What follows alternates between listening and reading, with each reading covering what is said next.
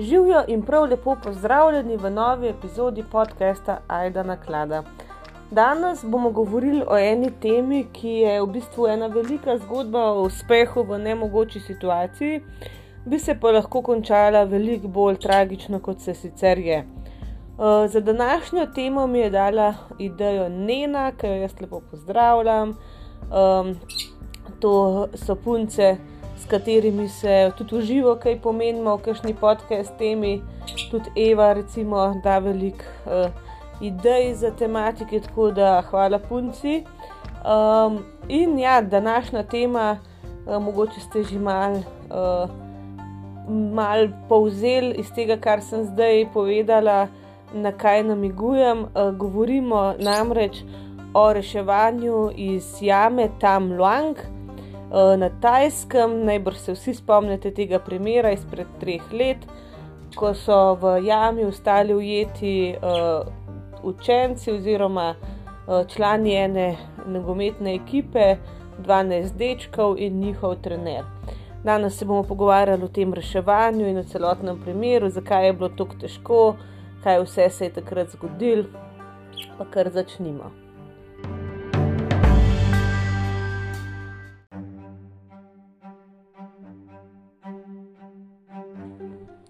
Šesti dan po čudežu, ko so fanti v bistvu spravljeni na varnem v bolnišničnih posteljah, ko so se potopljači že vrnili domov, ko so novinarji spakirali svojo opremo, se ljudje vrnajo k jami. Pridejo prebivalci vasi iz Nežavja pod Dojnangnon, gorami, ki se uspenjajo med Tajsko in Mjanmarom in pride na stotine prostovoljcev, vsi oblečeni v limonasto rumene majice in modre kape. Oni so bili tam skoraj 18 dni, ki jih je potreboval ta čudež, da se je lahko zgodil. Tja pridejo tudi menihi, pridejo um, razni pomembneži, recimo lokalni oblastniki, in tudi družine fantov, ki so bili blagoslovljeni s tem čudežem, ki jim ga je dovolila jama. Usedejo se na dolge, dolge, dolge vrste stolov pod nekim šotorom in mnogi, mnogi ljudje prinesejo darove. V ustju te votline polagajo razne darove, um, polagajo tja uh, razne paličice, prižigajo dišavne paličice, na mizah puščajo darove v smislu ribe, uh, odrezane glave prašičev in podobno. To so v bistvu darovi duhu te votline. Skoraj tri tedne je votlina tam Luang držala v sebi ducat mladih fantov in njihovega trenerja. Tam so bili ujeti zaradi deževja, ki je poplavilo vhod v jamo. Bili so brez vode, brez hrane in brez načina, da pridejo iz jame. In tudi vse čas je bilo mišljeno, da bi lahko in skoraj zagotovo bodo fantje umrli. In ravno zaradi tega so na ta dan ljudje množično prišli k jami. Prihajati so začeli že zjutraj, in so prihajali vse do poznega popoldneva. Uh, te pomembneži so sedeli v tišini na svojih stolih, menihi so peli in uh, govorili razne molitve, uh, prostovoljci so zapolnili vse proste prostore med novinarji in menihi. In tam so stali ure in ure, občasno pokleknili, predvsem pa potrpežljivo stali na mestu, čeprav je padal rahel dež. S tem so jami priznavali vse zasluge in se zahvaljevali duhu jame za ta čudež, ki ga je dovolil. V bistvu so na ta način res pokazali jami neko straho spoštovanje, se ji po eni strani zahvalili in uh, po drugi strani priznali njeno premoč. Vsak, ki zgodbo pozna, namreč ve, da so bili fanti skupaj s svojim trenerjem do globoko, globoko v jami, ko je le to poplavilo deževno vodovje. In če ne bi nihče ugotovil, da so pogrešani in kje pravzaprav so, bi jih najbrž mrtve našli šele novembra, ko bi monsunsko obdobje minilo.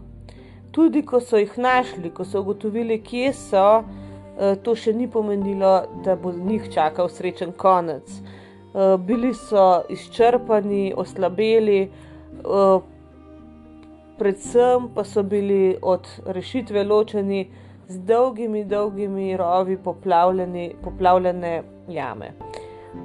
In takrat je svet stopil skupaj, tudi država in okolica, vsi so stopili skupaj, zato da bi lahko rešili 13 popolnih neznancev, uh, tudi kralj in kraljica sta sodelovala, na tisoče prostovoljcev se je, na stotino prostovoljcev se je odeležilo tega reševanja. Uh, izkušeni potapljači iz vsega sveta so prihajali na pomoč, in 18 dni potem, ko so vstopili v to nesrečno jamo, so se čisto vsi iz nje vrnili živi. Čeprav se to zdaj le sliši zelo lahkotno in zelo srečno, pa pot do tega trenutka nikakor ni bila lahka.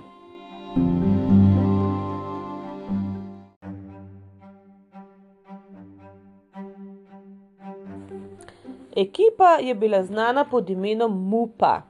To se dobesedno prevede gozdni prašiči oziroma divje svinje. Uh, in oni so veliko krat trenirali na nekem improviziranem uh, igrišču, v bistvu na polju, čez cesto od neke male cerkvice in trgovine. In tistega večera se je vsaj 13 fantov udeležilo treninga. Eh, najmlajši je bil star 11 let in najstarejši 17 let. Eden od njih pa se je ravno tega dne, uh, je ravno tega dne praznoval 16. rojstni dan.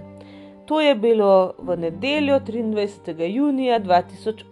Uh, eh, trening je vodil asistent trenerja, to ni bil glavni trener, uh, asistent uh, z imenom Ekapol Chanta Wong. Uh, Uh, klicali so ga trener Ek in tudi uh, on je imel za sabo precej zanimivo življenjsko zgodbo. Star je bil sicer 25 let, ampak on uh, je bil sirota in je bil nekako v, v treningu, oziroma je poskušal postati budistični menih, ampak je tudi uh, kasneje to opustil in uh, je ostal v templju v templu Vatprata Dojval uh, kot nekakšen hišnik, skrbnik, tako da bil je še vse nekako uh, v stiku s tem, kar je včasih želel početi. Ta tempelj, kjer je on pač živel in delal, je pa stal na uh, vrhu neke res tako strme gore. In v bistvu ta gora je bila na meji z Mjanmarjem, tako da če si uh, stopil čez cesto, si bil v bistvu že v Mjanmaru. Uh, ko so oni končali s tem treningom, je bil v bistvu še kar dan, ne to je bilo poletje. In ker je bilo še dovolj zgodaj, in so imeli fanti še nekaj časa, preden se lahko vrnejo domov, uh, se je 12 od fantov, pa trener Ek, odločilo, da bojo šli s kolesi do jame tam Luang. Večina fantov je vedela, da njihovim staršem najbrž ne bi bilo všeč, da so šli k jami, ampak to v bistvu ni bila ničkajšna brezglava postolovščina, ker ta jama ni bila prvič ne daleč in sploh ne neki nenavadnega ali pa nedostopnega. Ta jama je bila v bistvu del enega nacionalnega parka, ki je bil čisto odprt za javnost in tudi del jame je bil odprt za javnost. Tam je bilo zelo dobro organiziran in dostop do jame, en velik parkirišče je bil, uh, trgovince okrog, vse pač tako, kot je treba, tako da ni bilo nič tazga, a ne da so oni pač se tja odpeljali, poleg tega je bil pa z njimi tudi trener, tako da niso šli fanti niti sami. Uh, ob poješ poti, ki vodi do jame, pač od, od parkirišča do jame, uh, je nek uh, svetišče uh, Yao Mai Nangnon, uh, ki naj bi bila duh te jame. Ona je tam pač predstavljena kot nekakšen, nekakšna ljudka v rožnati obleki, ampak po neki tradicionalni uh, folklori je bila ona neka princesa starodavnega kraljestva, ki se je zaljubila v uh, oskrbnika uh, njihovih hlevov, a ne stable boy, kot ponavadi v kakšnih teh legendah. Uh, in pač ona se ni smela z njim poročiti, in se je tudi uh, ta zgodba zato tragično končala. Uh, nekako vojščaki njenega očeta so ubili tega fanta, in ona uh, je z, iz žalovanja se v tej jami sama sebe zabodla do smrti. In uh, nek potok, ki teče skozi jamo, je v bistvu po tej legendi uh, potok uh, njene krvi. Uh, in ta uh, gora, v kateri leži ta jama, naj bi v bistvu se spremenila v obliko njenega telesa. Tako da, um, če pogledaš iz te prave perspektive, dejansko ta gora zgleda kot neka, uh, lež, neka ženska. Um, in uh, pač celotno ime tega kraja, če bi čist uh, prevedel, pomeni um, jama ženske, ki leži čakajoča. Ne? Se pravi, uh, jama neke ženske, ki tam leži in čaka. In ta jama je v bistvu res tako. Um, res imenitna. No? Eh, vsaj, ko vstopiš v njo, je zelo visoka, široka um, in so tudi nekako skozi ta kamen te potke zelo dobro urejene. Uh, na začetku so celo nekako s cementom obdane, tako da je sploh lažje hoditi, in pol naprej, a nekaj ni več cementa, uh, pač ne ni več asfaltirano, pa tako uh, se v bistvu zoži pot pa se spet odpre, tako da je več nekih dvoran. Eh, in še po dveh kilometrih, ko je noter v jami, je v bistvu tako širok, pa visok prehod, da tudi odrasli moški, recimo, lahko čisto udobno hodi, brez da bi se moral sklanjati.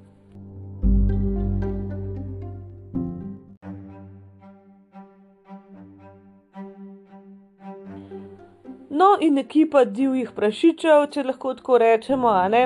Uh, ni imela nobenih težav, da so prišli noter, tudi pač zelo delčno v jamo so z lahkoto prišli, uh, čez neki uh, takih uh, ožjih predelov so se močkam splazali, ampak potem so bile naprej spet dvorane. Uh, čez lahkoto so v bistvu hodili in tudi z lahkoto bi morali priti nazaj, ker oni niso šli kar brez glave v to tako težko monsunsko deževje je bilo namreč napovedano šele čez več kot en teden, in um, eno leto prej v bistvu jama ni poplavljala do sredine julija, zdaj smo bili pa junija. Ne? Tako da oni niso imeli sabo nobene hrane, nobene vode, nič, nobenih posebnih pripomočkov, ker oni so šli samo na hiter, pač kot bi rekel, na en sprehod. Oni so mislili, uh, recimo, ostati noter kakšno urco, iti do konca, pa nazaj in se potem vrniti domov. To ni taka reč, res tukaj zdaj se sliši, da so oni šli uh, brez glave nekam. To je bolj tako, kot če bi se recimo zdaj po kakšnem tem Vindgarju našem sprehodu, ki je čisto turistična zadeva, pa bi stvar kar naenkrat poplavila. To je bilo čisto turistično, čisto odprto in dovoljeno, da se gre tja noter. Te pot, potke noter so bile čisto urejene, res. Uh, nič takšnega, da si šel tja. Uh, ampak uh, se, v severni Tajski je zelo značilno, da, da lahko začne uh, sred poletja pač deževati. Uh, in oni v jami niso imeli pojma, da zunaj dežuje.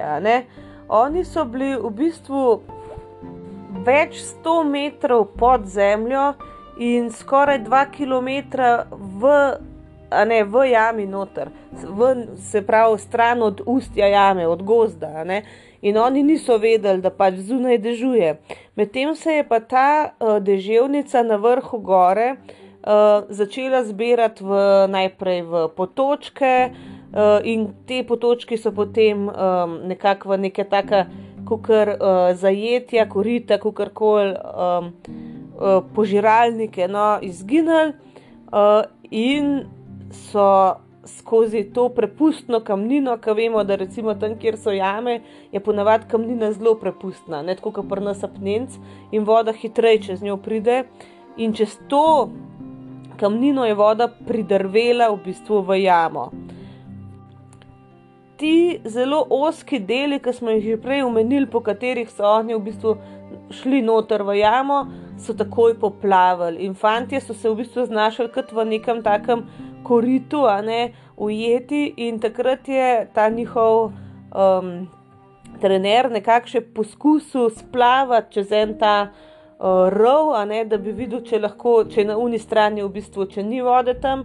Ampak je videl, da je ne mogoče, in se je vrnil. In fanti so pred vodo, ki se je vedno bolj dvigala, v bistvu bežali, plezali naprej v jamo. Zdaj, uh, ker se v bistvu ta jama dviga, pa spušča, ne tako kar naravnost, ne, so pač oni bežali pred to vodo, ki je polnila nižje ležeče predele, in oni so se pač morali spraviti na više ležeče predele jame, in na koncu prišli na nek milkast um, peščen del, ki se mu drugače reče Pataja Bič, uh, in so nekako dosegli vendarle nek najvišji uh, del, najvišjo točko, in so se uh, ustalili na nekem bregu, zelo blatnem in peščenem nad to vodo. In začeli so čakati. Oni so čakali najprej par minut, pa se voda ni umaknila, pa so čakali nekaj ur, in pol se je to spremenilo, se vemo, v kaj vse, v koliko dolgo čakanje. Oni so namreč mislili, da bo voda tako hitra, kot je pač prišla, tudi odšla, odtekla, ampak žal temu ni bilo tako.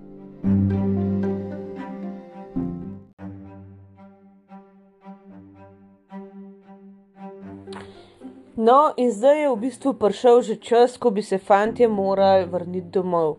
In seveda, ker se niso, je začel starše skrbeti. Začeli so klicati, pisati SMS-e glavnemu trenerju, potem so začeli med sabo en drugega klicati in so ugotovili, da pač noben od otrok ni prišel domov, dokler niso naleteli na tega enega fanta, ki ni šel z njimi. Smo rekli, 13 fantov je bilo na treningu, 12 jih je šlo do uh, jame. In ta fant je po, pač povedal, ne, da so oni nameravali k jami, da on pač ni šel, ampak da ve, da so imeli ta namen. In potem so oni uh, skupaj z glavnim trenerjem, starši, šli do te uh, jame, do vhoda v jamo, in so tam seveda našli njihove, uh, njihova kolesa. Tako da so vedeli, ja, da pač so šli otroci s svojim uh, trenerjem očitno noter. Ampak noben ni vedel, uh, kdaj so šli noter, kako daleč so prišli, kje so zdaj, še posebej pa niso imeli pojma, kako jih dobiti ven, ker jim je bilo pač jasno, ne, da, da je jama zdaj poplavljena. Ampak takrat je prišel prvi čudež. Uh, Mogoče bi ga kdo čist kot na ključe vzel, ampak kasneje je bilo še veliko takih manjših na ključi, ki so pripomogla potem k rešitvi, rešitvi teh fantov. Eno uro uh, južneje, blizu mesta Čiangraj, je živel en moški, ki je v bistvu najboljš na svetu poznal uh, notranjost jame Tam Luang. Uh, njegovo ime je Vernon Answorth. Uh, on je 63-letni Britanec, ki je v bistvu bil zelo, zelo izkušen vodar. Ne, ne vem, kako, kako bi temu. Uh, pri nas rekli temu poklicu, ampak on se je v bistvu ukvarjal z vodami, uh, študiral pač uh, vodostaje in tako naprej. No. Uh, on je nekako uh, živel prej v Yorkshireu, tam tudi delal, ampak je zdaj pač na stara leta, mislim na starejša leta, uh, del leta vedno preživel na Tajskem. Uh, in ta jama, direkta, ne, je bila, kot je kasneje povedal novinarjev, njegov drugi dom. Več kot pet let, recimo, je on skozi skos hodil v to jamo, vedno, vedno dlje, vedno globje v, jano, v, ja, v jamo je šel, najglobje v bistvu, kot je kdorkoli šel. Uh, on je v bistvu tam meritve delal, si zapiske delal in um, celo objavil neke uh, stvari v, uh, o tej jami, celo ne, v knjigi The Caves of Thailand, uh, ki je bila eno leto prej v bistvu uh, izdana. Ne, tako da on je res bil poznavalec te jame.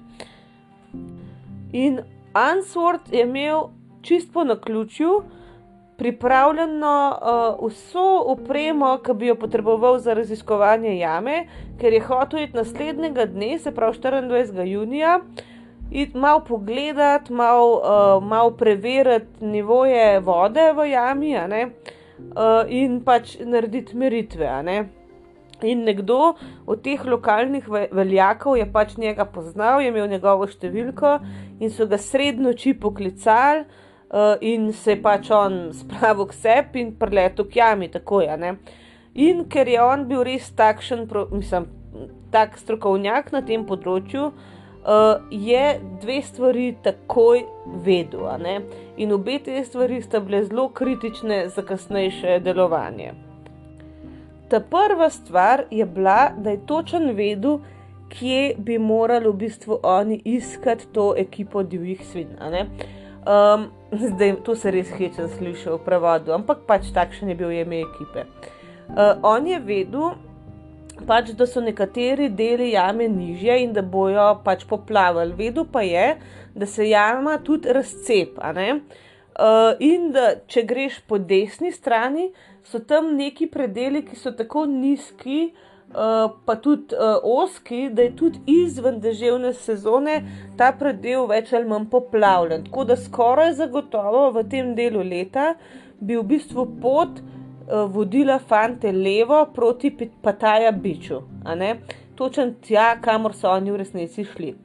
In druga stvar, ki jo je on zelo dobro vedel, je bila pa to, da bodo za reševanje potrebovali potapljače, ampak to ne kar ene potapljače, zelo izkušene potapljače in v bistvu najboljše, kar pač jih premorejo. Ker namreč uh, potapljanje v jamah je zelo specializirana zadeva in tudi zelo, zelo nevarna, uh, ker v bistvu um, to so zelo oski deli, ne ti rovi so lahko zelo oski, uh, uh, ostre stene, ostri kamni in to morajo biti res zelo dobro pripravljeni potapljači. In pa je, da tudi recimo te Navy Seals, ne kam imajo določene potapljaške veščine, tudi kar se treninga tiče, tudi oni ne rabijo tega znati, tudi oni niso pač kvalificirani. Uh, ampak on, ki je bil tudi sam pač, uh, iz, tega, iz tega foha, da jim rečem, no, uh, je tudi sam te stvari poznal zelo dobro je poznal tudi potapljače, ki pa so bili kvalificirani in je dal uh, pač uh, lokalnim uh, veljakom in ljudem, ki so pač se s primerom začeli ukvarjati, tri imena: Rick Stanton, John Volantham in Robert Harper. On je v bistvu uh, vse njih poznal. Ker so vsi delali kot prostovoljci za British Cave Rescue Council. To je v bistvu uh, britanska, kot bi rekel, jamarska reševalna služba, s tem, da oni so bili potapljaški del te jamarske reševalne službe. No, in Answorth je povedal um, Tajcem, ne, da naj jih uh, kontaktirajo preko britanske ambasade, in oni vsi so bili prijami že uh, ob 37 popovdne v sredo, se pravi naslednji dan.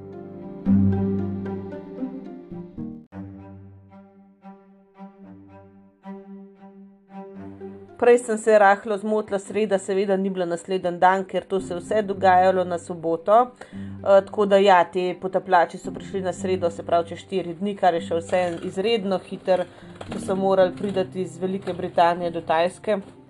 Ampak ja, se pravi, uh, na nedeljo je dež kar dost ponehal, ampak je potem v ponedeljek in torek uh, res, res močno padal.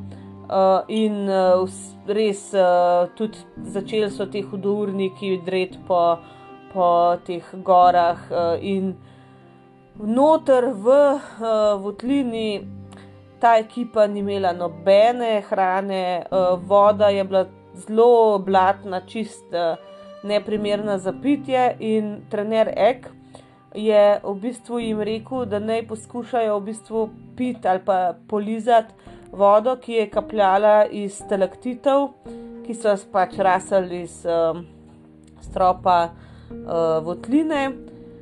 Ta voda je bila relativno čista, no?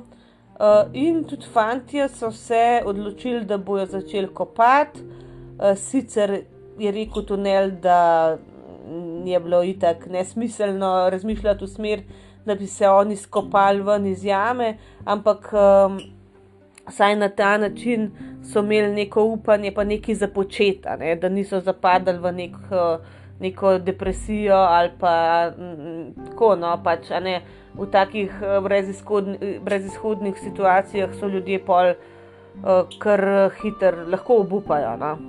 Še bolj pomemben kot pa to, da so imeli upanje, je bilo to, da niso bili v nobeni paniki in da so zelo, zelo um, nekako čuvali oziroma um, zadrževali svojo energijo. Uh, trener Ek, ki je bil deset let nekako menih uh, in se je v teh desetih letih naučil uh, meditirati, uh, je naučil otroke, da so počasi dihali uh, in da so prav tako um, uh, pač z nekim namenom uh, izpraznili svoje misli in da so se čist uh, mentalno in emocionalno uh, odstranili iz tega okolja, v katerem so pač bili zdaj ujeti. Uh, na ta način, če to narediš pravilno, pač to so res te vaje čuječnosti, ki niso čist sam na duhovni ravni, ne? gre tudi pol čist na fizično raven. In tudi fanti so rekli, da je bil ta njihov trener odličen, odličen učitelj, kar se tega tiče. In na ta način no, dejansko ti upočasniš svoj uh, srčni utrip, metabolizem, paniko s tem umiriš. In to je bilo pa pol res efektivno, ne tisto kopanje, tudi tistih je nekako preusmerilo, ampak ta meditacija, res, to je bilo pa res efektivno in je res v bistvu on uspel umiriti te fante. Eh, da niso po nepotrebnem z neko paniko, če ne drugega, tudi energije izgubljali. Kajti, kot smo rekli, hrane niso imeli nič.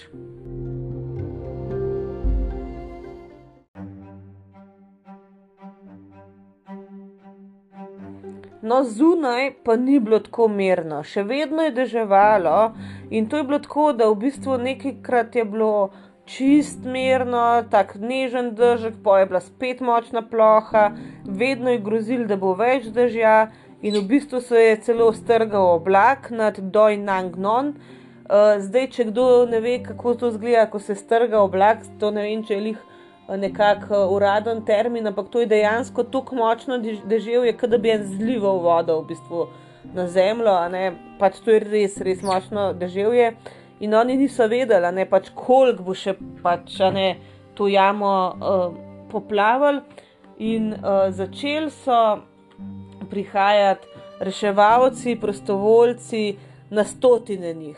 Prišla je tajska vojska, prišli so, uh, prišli so razne uh, civilne uh, združbe, ne, ki so na tem uh, področju delovali, američani, avstralci pol uh, res uh, ti specialni potapljači iz raznih otokov okrog uh, uh, juga Tajske. Uh, in vedeli so, da morajo vsaj neki vode ven iz te jame spraviti. Um, gor višji, ne, na, uh, na te uh, gori, so nekako preusmerili te potoke, pa hudurnike, da so. Um, da so v bistvu čist uh, preusmerili to vodo, ne, da ni več poplavljala noter v jamo. Uh, in potem so prišli, um, prišli na idejo, da bi pač uporabljali tako ogromne uh, črpalke. Ne vem, koliko črpalk so iz ne vem, ki je vse prnesel, in so začeli iz jame črpati na milijone litrov vode, in to vodo so preusmerili v polja riža, uh, ki so v bistvu že imele čisto odrasle rastline. In uh, nekdo tam, ne, uh, en vodja neke vaške skupnosti, Sithavud Panjakam, uh, je rekel, da je bilo to tako, kot če bi iz dveh šalc prelival v eno, a ne pač ni šlo. In tudi v tej vasi Bang Nongo uh, so točen vedeli te ljudje, ki so imeli riša ne, na poljih, da bojo s, to vodo, ki so jo oni izčrpali, pa tja speljali, v bistvu utopili te njihove rastline in da bo cel predelek izginil, um, uh, in pač uh, bojo ostali brez, in da ne bojo do naslednjega leta mogli v bistvu uh, posaditi. Ampak njim je bilo čisto vse, čisto vse. 19 teh uh, kmetov se je prostovoljno v bistvu odpovedalo vsemu predelku, zato da bi lahko te fante ven rešili. In v bistvu država jim je ponudila neko kompenzacijo, ne nek denar v zameno za te predelke, ki so jih oni izgubili, in samo štirje od 19 teh kmetov so v bistvu potem vzela ne, to kompenzacijo, tako da res so ljudje, res so ljudje uh, stopili skupaj. No, in tudi ta vodja vaške skupnosti, Panja Kam, je rekel, da je v bistvu vse šlo v smer dajanja nekomu nečesa, ne? da oni niso v bistvu zato tega naredili, da bi pol prosili denar ali pa zahtevali denar, ker, ker jim je bilo počastjo uh, vzeti denar v zameno za to, da so naredili nekaj, kar je v bistvu prav. In namesto, da bi oni jokali tam nad izgubljenim predelkom, so celo prinašali hrano k te jami, uh, prali so oblačila od reševalcev uh, usmerjali so promet, zato da so uh, pač uh, to območje nekako varno, pa pod kontrolo ohranjali. Um, res, uh, res so pokazali ta svoj duh, to skupnost, ker je tam res tako močna.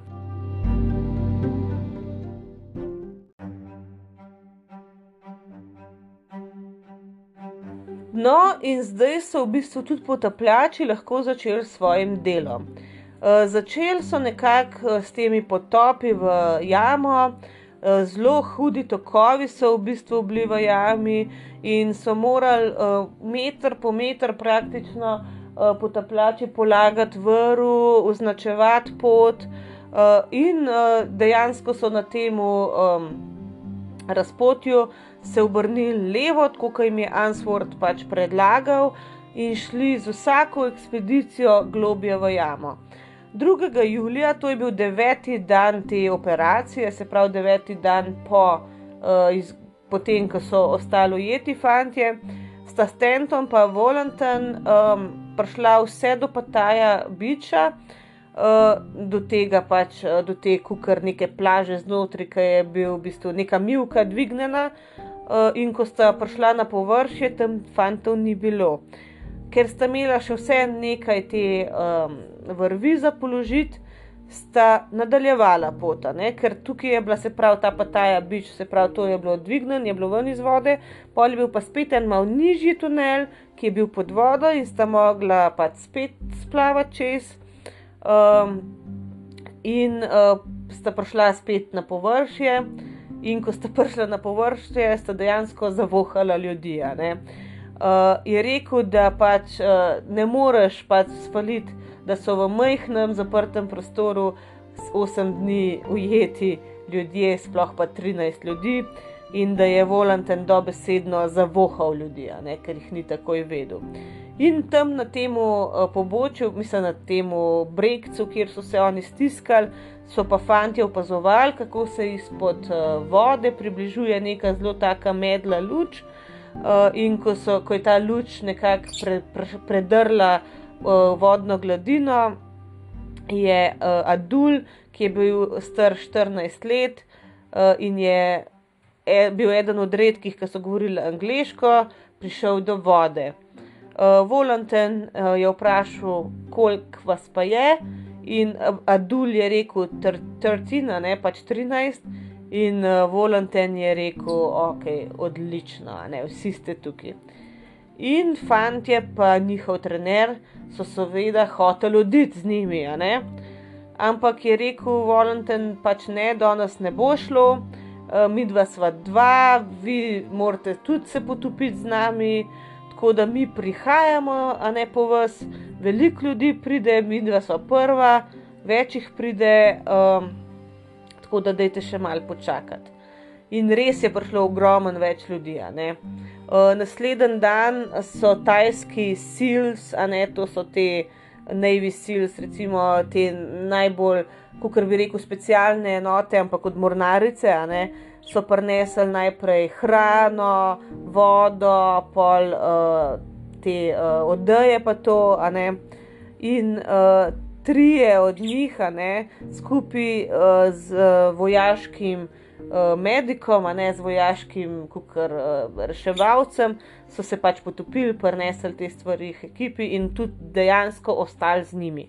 Ampak ne glede na to, da so jim pač prenesli hrano, pa vse te stvari, so mogli fanti biti še vedno nekako prinešeni, pripeljani ven. In noben ni bil čist zihar, kako na kakšen način bi to naredili in če bi to sploh lahko naredili.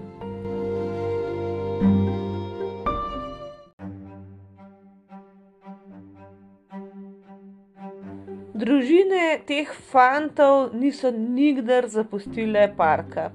Njim so sicer namenili eno čist ločeno, zavarovano območje, stran od teh množic novinarjev, ki so res začele uh, filati ta parkirišče. Uh, oni so uh, tam spali, uh, družine, ne so tam spali, imeli so neke plastične stole in več ali manj so vse čas molili.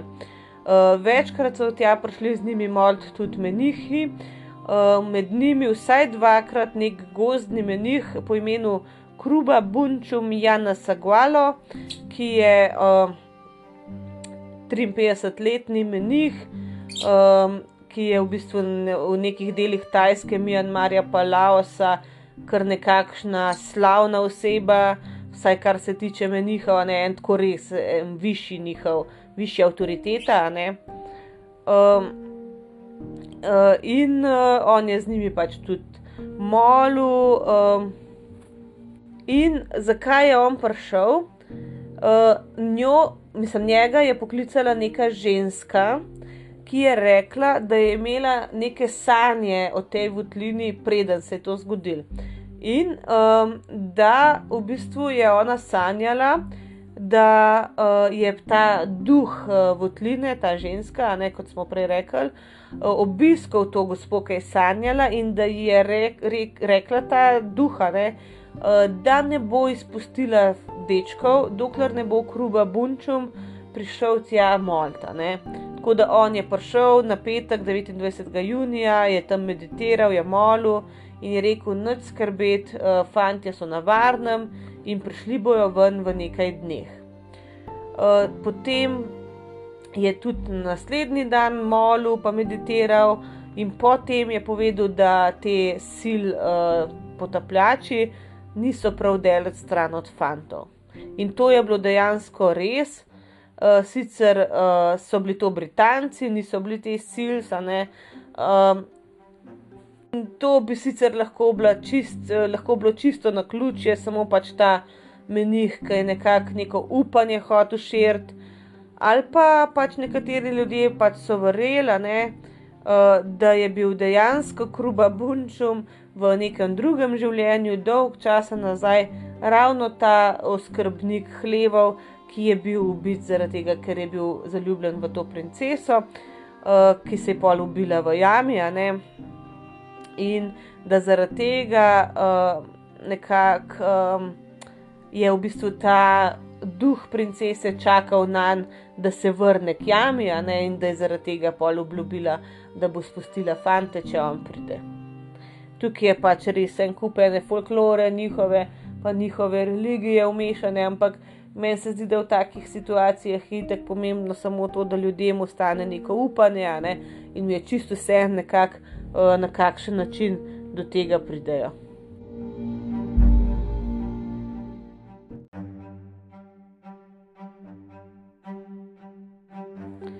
No, ampak samo z upanjem pač ne bi prišli nikamor, in treba je bilo zdaj res razmisliti, na kakšen način bi te fante skušali rešiti. Na začetku so bile tri nekakšne ideje, kako bi ven dobili uh, to ekipo. Ena je bila dokaj enostavna. Pač uh, počakajmo, da pač monsun uh, mine, da se vode nekako odtečejo, da vode odtečejo do tega nivoja, da bi pač fanti lahko ven prišli peš. Ampak to bi trajalo nekako do novembra ali pa mogoče celo decembra. Mm, ta možnost je bila čisto logistično gledano skoraj zagotovo smrtna, ne pač, da ne bi oni preživeli. Um, tudi, če ne bi nihče z njimi ostal v jami, bi bilo treba njih hraniti. Uh, oni, seveda, to je bilo 13 fantov, ki so jedli trikrat na dan.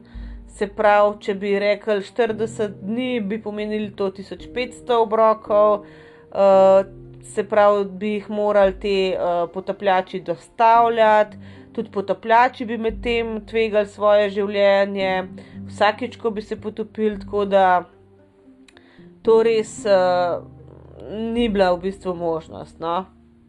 Uh, in tudi to, ne, da je pač ta pot za potapljače same nevarna, to ni bilo čisto sam na papirju. Uh, recimo 6. julija, ne, potem ko so bili uh, fantje že najdeni, uh, ko je bil ta uh, nekakšen načrt že nekako zapisan, že nekako narejen, je nek uh, že upokojen uh, tajski sil, ne, se pravi predstavnik uh, te mornarice, ne, po imenu Saman Gunan.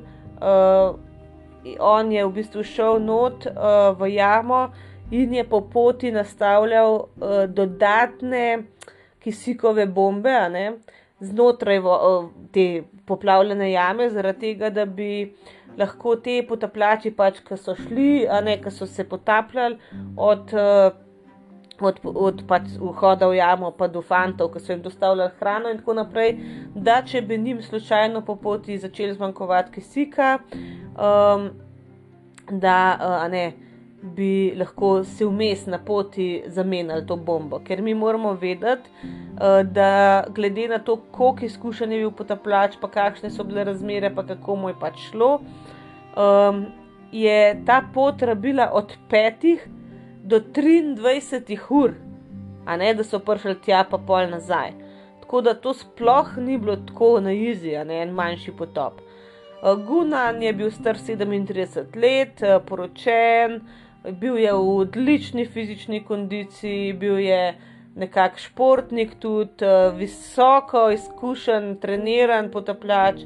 Bil je prostovoljc, on je pač svoje stvari naložil, vzel, mislim, šel na letalo, in šel tja, pač, a ne, pomagati, on se je sam javil. Ampak on, recimo, ko je s še enim partnerjem, a ne, šel se potopiti, nastavljal te um, bombe pod vodo, a ne te kisikove bombe, je dejansko sam, mislim, njemu samo zmanjkalo kisika, preden je lahko prišel na površje. Sicer so ga ven potegnili, ampak on nikoli ni ni prišel nazaj k zavesti in potem v bolnišnici je bil razglašen za mrtvega. In zdaj, tudi če pač ne bi bilo to dejansko tako nevarno, kot vidimo, dejansko je človek izgubil življenje, eh, je bil tukaj še en problem. In sicer ta votlina, v kateri so se zadrževali, je bila skoraj neprodušno zaprta, sicer najbrž kaj je prehajal, samo kot smo rekli, na stotine metrov kamnin je bilo nad njimi, in uh, naglo, naglo se je začel, začela spuščati raven kisika v tej jami, kjer so fanti bili. Druga možnost, uh, da bi fanti dobili pač ven, ne, je bila, da bi jih skopali ven, ne, da bi pač skozi več tisoč metrov kamnine pa tal nekako zvrtali luknjo, uh, ampak to bi v bistvu res rabili ogromno enih konstrukcij, eh, infrastrukture, da bi sploh začeli. Uh, ne, to bi mogli biti res varno, da ne bi v bistvu oni sesuli jame na te fante. Uh, zato pač bi to preveč časa jim vzeli in so ti rangerji, njihovi pa vodiči, začeli uh, se plazati okrog dobesedno po teh uh, gorah in začeli iskati neke jaške, a ne neke um, rove, vse vemo, da kako so recimo te. Um, Te lukne, ne, recimo tudi pri nas na krasu, ki je kar luknja od tleh, pa vod polo neko jamo. Ne. To so oni iskali, če bi bilo kaj dejansko um, že naravnega tam, ne, da bi si lahko s tem pomagali, mogoče še malo skopali, ampak žal niso najdel pač nobenih, ne, uh, nobenih teh odprtin, nobenih poti do njih. In tako je ostala samo še tretja možnost, uh, da jih grejo pač fizično iskati in z njimi priplavajo ven. Uh, to, to je imel eno prednost, da bi bilo pač hitrejš, ampak slabost je bila pa, da bi jih pač mogli privleči ven, kar je pač res težko. Uh, namreč noben od fantov, niti pač njihov trener, noben se ni znal potapljati. Uh, tudi če bi se naučili nekako osnov, uh, pač potapljanje v jamah ni enako kot neko, neke osnove, pa neke vaje v enem bazenu. In sploh uh, nek otrok, ki je bil žitek oslabljen zaradi tog časa, ki ga je preživel pod vodo. Eh, sploh v taki votlini, brez neke orientacije, v temi. Uh, jaz mislim, so mislili, da pač uh, bi začel čist nenaravno dihati, hiperventilirati, uh, bi izgubil čist, uh, v bistvu, čist razsodnost in v bistvu bi ostal noter, ne, v tej jami, uh, v tem jašku, ker pač mm, ne bi šlo. No. Um, mogoče bi eden lahko prišel skozi, mogoče polovica, mogoče večina, um, ampak da bi vseh 13 enega za drugim žive vam pripeljali. Nihče, nihče ni upal tega javno reči, ampak ta načrt bi skoraj zagotovo ubil vsaj nekaj teh fantov.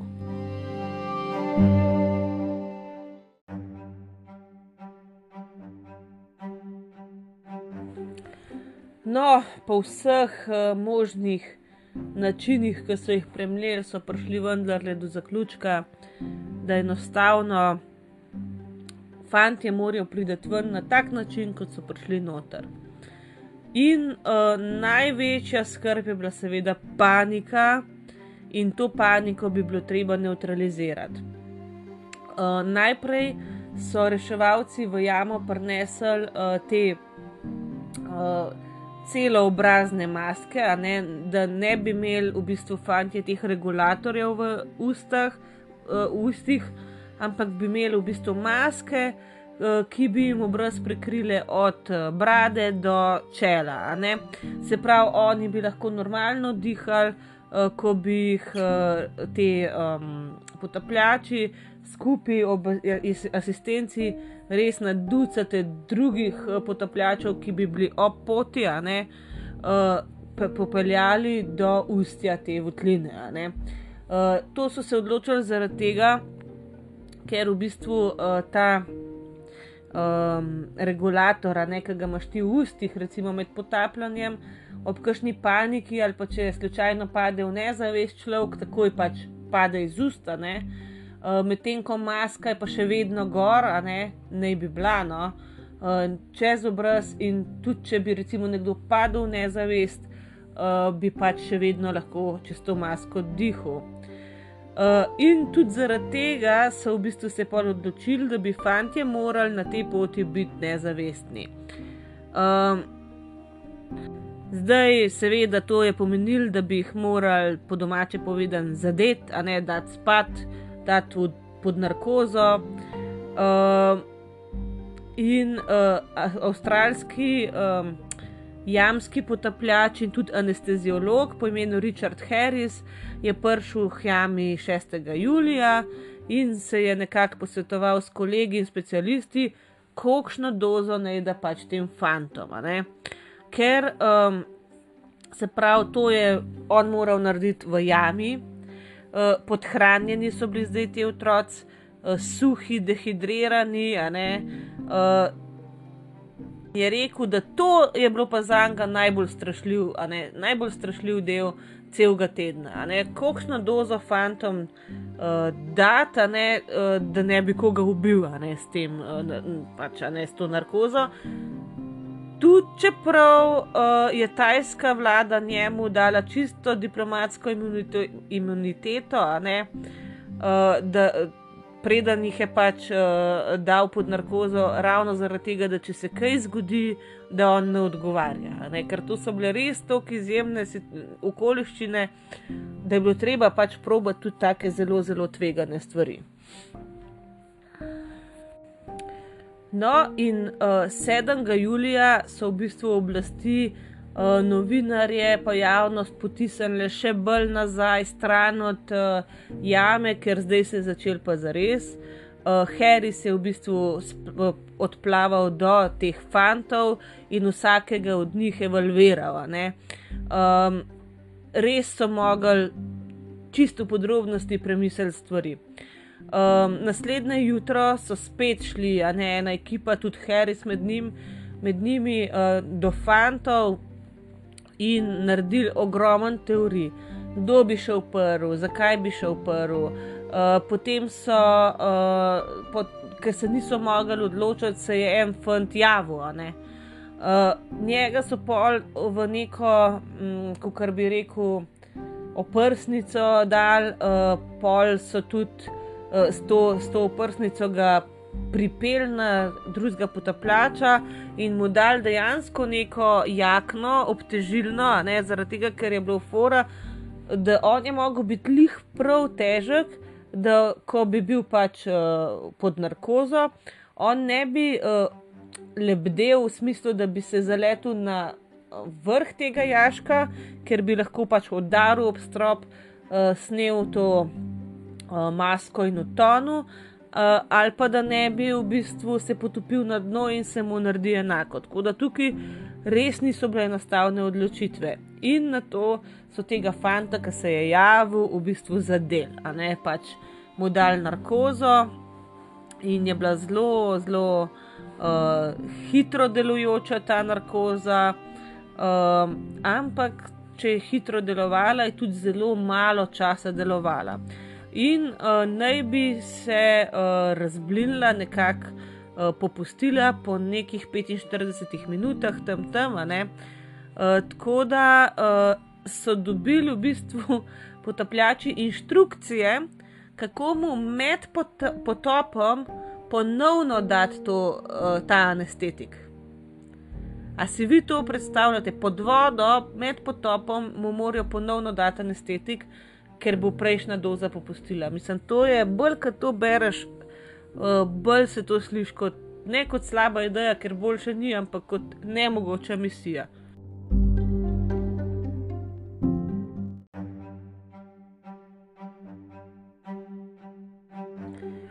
No, in pač fantu dajo anestetik, on se potopi pod vodo in postane nekakšen paket, ki ga je moral potapljač varno pripeljati od te uh, votline, kjer so bili, do ustja same jame. Um, Imel je na hrbtu nekakšen ročaj na tej oprsnici, za katerega ga je pač uh, potapljač držal, zato da je lahko z drugo roko pač uh, gledal, kam gre, a ne, mislim, gledal, upravljal, kam gre, potem usmerjal njega, tega plavajočega fanta. Um, in uh, pol nekako, uh, ko so prišli um, do nekega dela, ki je bil dovolj širok, so ga pripeljali na nosila in po tej poti, a ne so bili, kot smo rekli, nastavljeni potapljači, ki so ta nosila nekako potiskali naprej, kot ena taka štafeta, vmes so mu morali dodajati anestetiko, kot smo rekli, in pozno popovdne.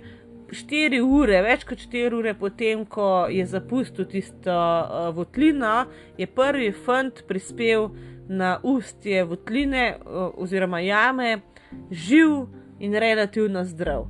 Bil je takoj uh, v bistvu naložen v reševalno vozilo, ki je ga odpeljalo do helikopterja, helikopter ga je odpeljal v bolnišnico v Čjangraju. Uh, kjer mu so naj bi ga pač spravili nazaj k zdravju, uh, predvsem pa naj bi ga v bistvu nadzorovali, kar se tiče nekih respiratornih infekcij, uh, ki bi v bistvu bile čist nekaj logičnega po 16 dneh v res vlažni podzemeljski votlini. No, in potem, približno 45 minut po prvem fantu, je prišel drugi, in potem tretji in četrti, v zelo podobnih intervalih, in to je bilo to, kar so lahko naredili tisti dan. Se pravi, ven iz jame so spravili štiri fante. To je bilo res naporno, tako kot smo rekli, ne, te poti so bile drugače tudi od 5 do 23 ur, ne dolge. In te eh, potapljači, ki so bili spodaj, oni so vse čas vmes menjali svoje kisikove bombe, uh, in teh je zdaj pač zmanjkalo, tako da so mogli v bistvu zamenjati kisik, nastaviti nove bombe, uh, potapljače, spočiti, seveda, ne? ampak znotraj. Uh, uh, V bistvu v jami se je nekakšna reševalna misija pa še vedno nadaljevala, ker so delavci, nekako potapljači, seveda, z lopatami odstranjevali iz teh ožjih predelov blato, pa ta nanešen material, zato da bi čim bolj prehodne, ne naredili te predele, da bi pač naslednje fante čim lažje ven dobili. 9. Eh, julija so vam potegnili še štiri pač fante, a ne dodatne. Um, In uh, zdaj so imeli ti reševalci že kar neki prakse, um, bila je jama dobro pripravljena, in uh, vse manj časa je, uh, je bilo treba, ne, zato da so enega od fantov pripeljali približno 4 km uh, skozi uh, potopljene podvodne, mislim, podzemeljske uh, votline in rove. In naslednji dan, zadnji dan, ne, je še zadnjih pet prišlo ven iz jame, in trener Ek je bil zadnji, ki je zapustil v bistvu tisto votlinico, kjer so oni bili. Tako res on je en tak, kako bi človek rekel, vzor, ne. Vzor za vse uh, ljudi, ki so v bistvu zadolženi za to, da za neke druge ljudi, sploh za mlade ali otroke, skrbijo on je res najprej poskrbel, da je za vse druge bilo poskrbljeno, da so bili drugi zunaj, pol je pa še le on šel. No. Uh, in potem, uh, takoj potem, ko so v bistvu oni vsi prišli ven, je začela voda ponovno naraščati in zelo hitro. Um, ena od velikih teh črpalk, ki so jih uporabljali, je v bistvu se pokvarila, takoj potem, res je, da bi bilo naročen, uh, in v bistvu takrat je bil čas, da to dvorano, to, mislim, to votlino res pustijo nekako v miru.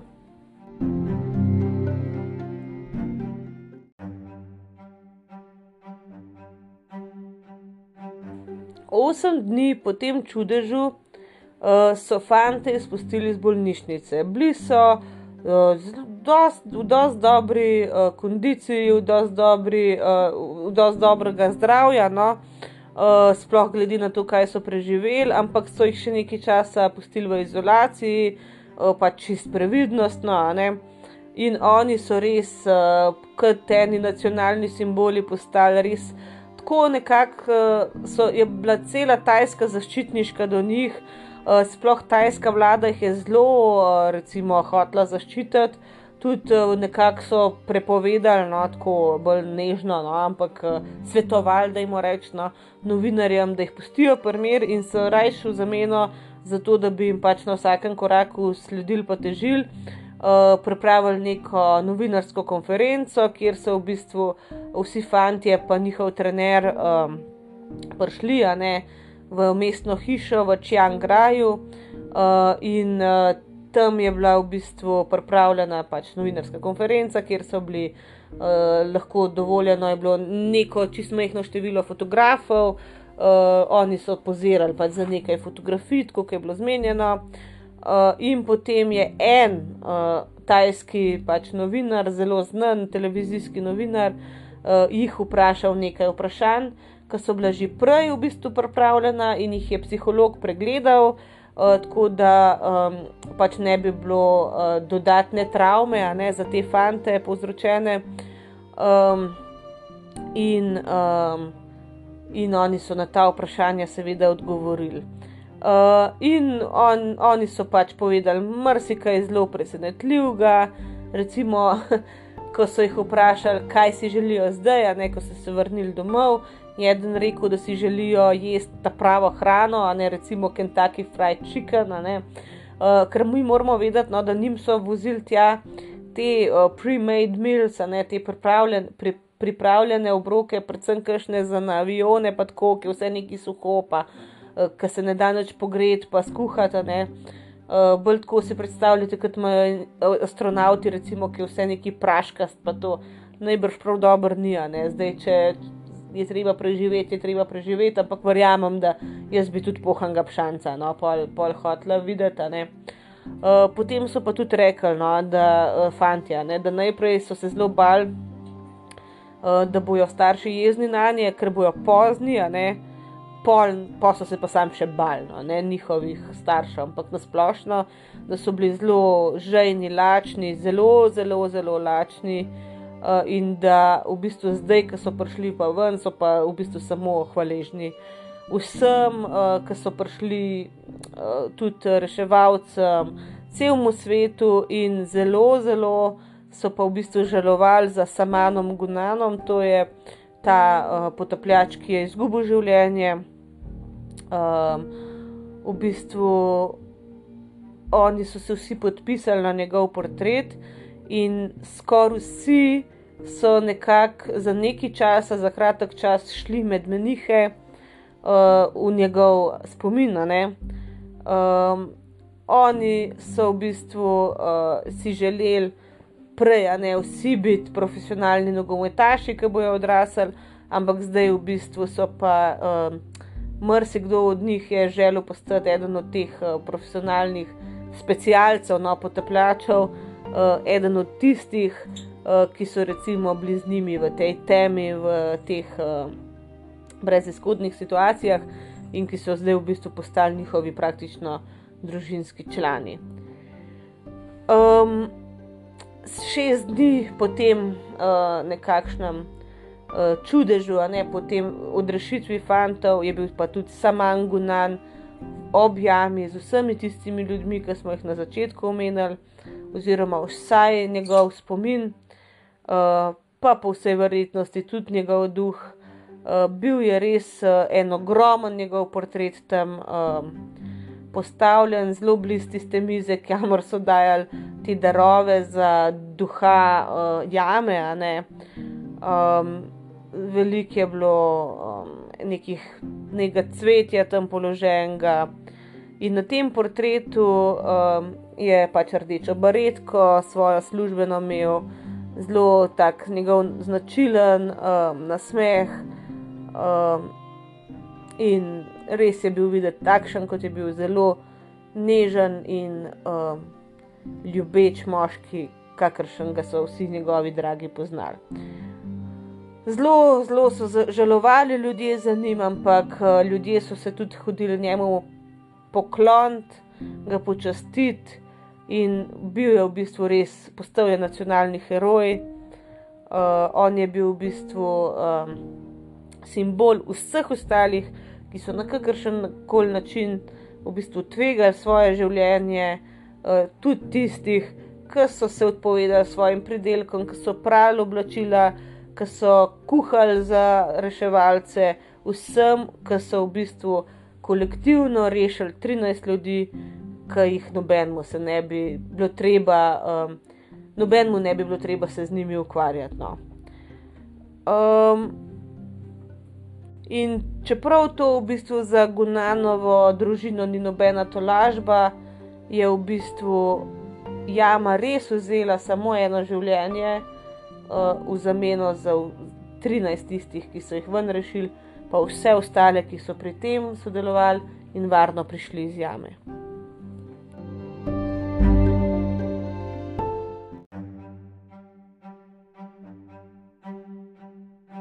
No, in zdaj bi vam jaz en krajši intervju zavrtela. z tema britanskima uh, potapljačema, Rickom Statenom in Johnom Volantemom, uh, ki sta v bistvu sodelovala res zelo uh, konkretno pri tem reševanju. Uh, to bo trajalo približno 9 minut, upam, da vam bo zanimivo, sicer pa lahko preskočite.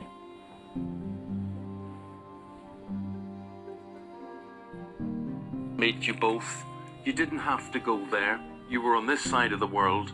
The call came. Why you two? And did it take you a long time to make up your mind? I think we, we both felt that we were best placed to certainly add expertise and try and give the boys the, the best possible chance of survival. The British cave diving conditions have prepared us or had prepared us for what we were expecting to face, and, and that might have seemed arrogant at the mm. time, but I think our thoughts along those sorts of lines were proven right. But Rick, the immediate thing I get looking at you and John is that you're a tall men. I'd have imagined to do and be successful and to wriggle about in these uh, underground caves the way you're expected to, you guys would have to be about half the size. Well, we're tall, but we're relatively thin, hopefully. And uh, these weren't particularly small caves. In, it was in places, but uh, it's really just a, a, being accustomed to moving through a cave that, that really held us in good stead, and also used to fast flowing water and zero visibility. I mean, you, you have worked together for, for some years, haven't you? Um, on your way there, what did you discuss? What were you expecting, and what was the reality when you got there? Certainly, when we arrived on site, what, what we found was, was quite chaotic, and also the weather was really against us, and more importantly, against the boys. And I think it's fair to say, in the earlier days of the rescue, we certainly didn't think there was much chance of finding anyone alive, let alone getting them out safely. So, when you were swimming through, crawling through the caves, what did you see first that gave you hope that they were alive? Well, we um, the further we got in, having not found any sign of them, it was more likely that we would come across something, and we really didn't know what we would come across. We were expecting the worst, as, as John had said, but we were floating in the water, and I was smelling and, and you could smell, suddenly smelt them, saw their light, heard voices, but it, we still didn't know what we were going to encounter. We didn't know if some were dead, some were alive. It, it could have been a horrific situation. So when that iconic video was taken by John and they all just walked down the slope and sat down in front of us, that, that was an incredible A wonderful, moment. wonderful moment, John. You know, wonderful moment to find that they were still alive, but then you have this awful pressure how do we get them out? And you have to make some very difficult decisions. We, we did. At, the time when, when we were there, I, I, made a promise that Rick thought was bold, which was that I, I said I would come back. And it, it's a slightly odd situation that's kind of unique within caving, really, where you can have 12 or 13 happy and smiley children that are, to all intent and purposes, safe, and yet they're separated from the outside world and they have to go through this incredibly dangerous journey to come out. Yeah, and uh, to prove how incredibly dangerous it was, one man, one diver actually lost his life uh, with this. What, what was he doing when he died? Well, he, he was taking in supplies, not to the boys, but just setting up for the rescue. Um, and he was a retired SEAL. I think, I think the the, the Thai Navy made a, a, massive contribution to, to the rescue. And it was a great shame that Samangunan, his, his name was, lost his life. Right. But that, that contribution, I think, was, was very important and significant. Um, let's go back to the, the rescue, Rick. So the boys are alive, but you had to make a decision. How do we get young children out of here without them panicking? So what did you do? I think that also refers to any person, not just young children, any adult. I think you know, they're being led. The journey out was two and a half hours. You couldn't see anything. You were being bumped and scraped and pushed and poked into holes and, and scraped along the ground. I think anyone would have had a hard time to hold. And hold one of you, sorry interrupt, but one one of you in front of a, No, a child no, and one it was behind. just one on one. So Just one. there were four UK divers transporting the boys, and it was one diver, one boy, and you had the responsibility for that boy's life. And when you took them, a kilometre and a half swim until you gave them to the Two and a half authority. hours. Two and a half hours. Two and a half hours it took, and That is you were cradling them and holding them, Yeah. and swimming them Do you know what? If it was a film, you wouldn't believe it, but it is going to be a film. Yeah. What what what are the plans? So the, the the film is, or there is a film, a, a, a movie which is being directed by Ron Howard, and it is a dramatisation, but they they have been very close to the detail as much as they possibly can. I think it, it's quite interesting. You're talking about having two people uh, in the in, looking after a child. It's hard to explain how, in literally zero visibility water, the communication suddenly becomes very difficult. And I, No, zdaj tukaj naprej sicer govorijo bolj o tem filmu, ki naj bi bil posnet. No, zdaj bi vam pa tukaj zavrtela samo še posnetek. To, to bo zelo slab posnetek, no, uh, potrudite se slišati. Uh, v bistvu, ko sta te dva potapljača prva prišla do te jame, ko sta prva v bistvu našla jih, tako kot ste povedala, ne, da so sploh še živi. Uh, to je pač ta kamera, ki je imel potapljač na sebi, tako da ni nek vrhunski avdio, ampak uh, recimo to je bil trenutek, ko so se v bistvu našli.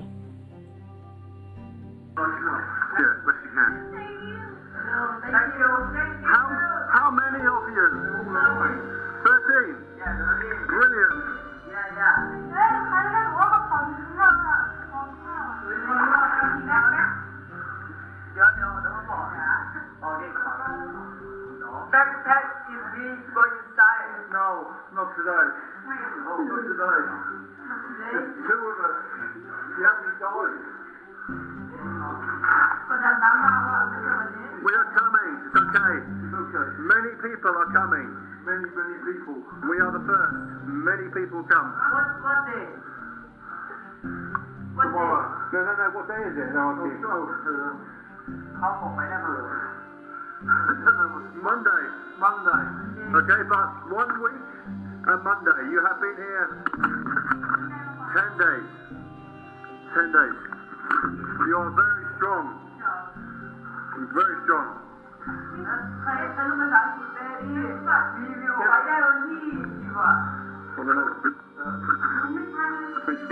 Okay, go back. We come, we come. I know, I know, I understand. We, we come. Okay, we come. No, a ne, pač ne vem, koliko ste slišali, ampak oni sprašujejo. Um, mislim, pač potapljač je vprašal, seveda, koliko jih je, je ugotovil, da so vsi. Pa so pa oni vprašali, gremo lahko zdaj z vami ven. Tukaj je res kar hudo gledati, ker ti fanti pa začnejo kar malo jokati, ker je rekel, da ne, da on še ne. Um, ampak ja, pa so pa vprašali, kjer dan je. In je rekel ponedeljek, ampak še en teden je bil vmes, ker oni so v bistvu not ustali na soboto, tako da to jim je pol pokazal, deset dni ste noter. Ne? Jaz ne vem niti, če si si oni predstavljali, v resnici, koliko časa so bili noter.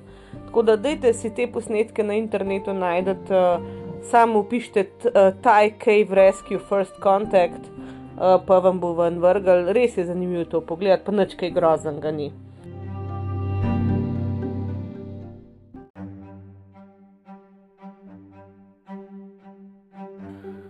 No, to je bila res ena zgodba o neverjetnem reševanju, o neverjetnem uspehu, ki ga je en kup uh, ljudi v bistvu dosegel skupaj. Uh, vsak je nekako svoj delček uh, tukaj doprinesel, od Dunga kmeta, ki se je odrekel svojemu rižu, do potapljača, ki je v bistvu dal svoje življenje. Tako da res, res izjemna, izjemna zgodba. Uh, ful sem vesela, kadar me tako na kakšno zgodbo spomnite, ki se jo mogoče sama niti spomnila ne bi. Ne? Uh, tako da tole je res tudi za me bilo nevrjetno za raziskovati. Upam, da vam je bilo všeč, no, močkam drugače kot ponavadi. Uh, dajte kakšen komentar, ste spremljali to, kaj ste si mislili. Jaz takrat priznam, da nisem mislila, da bojo živi. Res. Uh, To je bila meni podobna zgodba kot tista, če se spomnite, ki je nek fantek padel v en jašek, pa so ga pol morali ven zrezati, pa ne vem kakšno reševanje, sam tisti fantek pol ni preživel. No. Tako, no, to so te zgodbe, ki dobro veš, a ne, ki ti v odzuni gledaš, da no way, a ne. Da najbrž je ne mogoče, da bi kdo preživel, ampak vsake tok časa se pa vendarle kakšen čudež zgodi in tudi jaz po svoje, kar razumem tajce, pa te njihove um, vraže, pa folklora okoli teh duhov, teh milosti, ki jih ti duhovi v bistvu izkazujejo lahko ljudem, ker tole je res uh, na prvi pogled res čisti čudež. Uh, to je bilo to za danes, uh, slišmo se, bomo videli, če v ponedeljek, sicer pa v petek oziroma v sredo. Uh, lepo se majte, ostanite zdravi, pa varni uh, in se poslušamo. Čau, čau!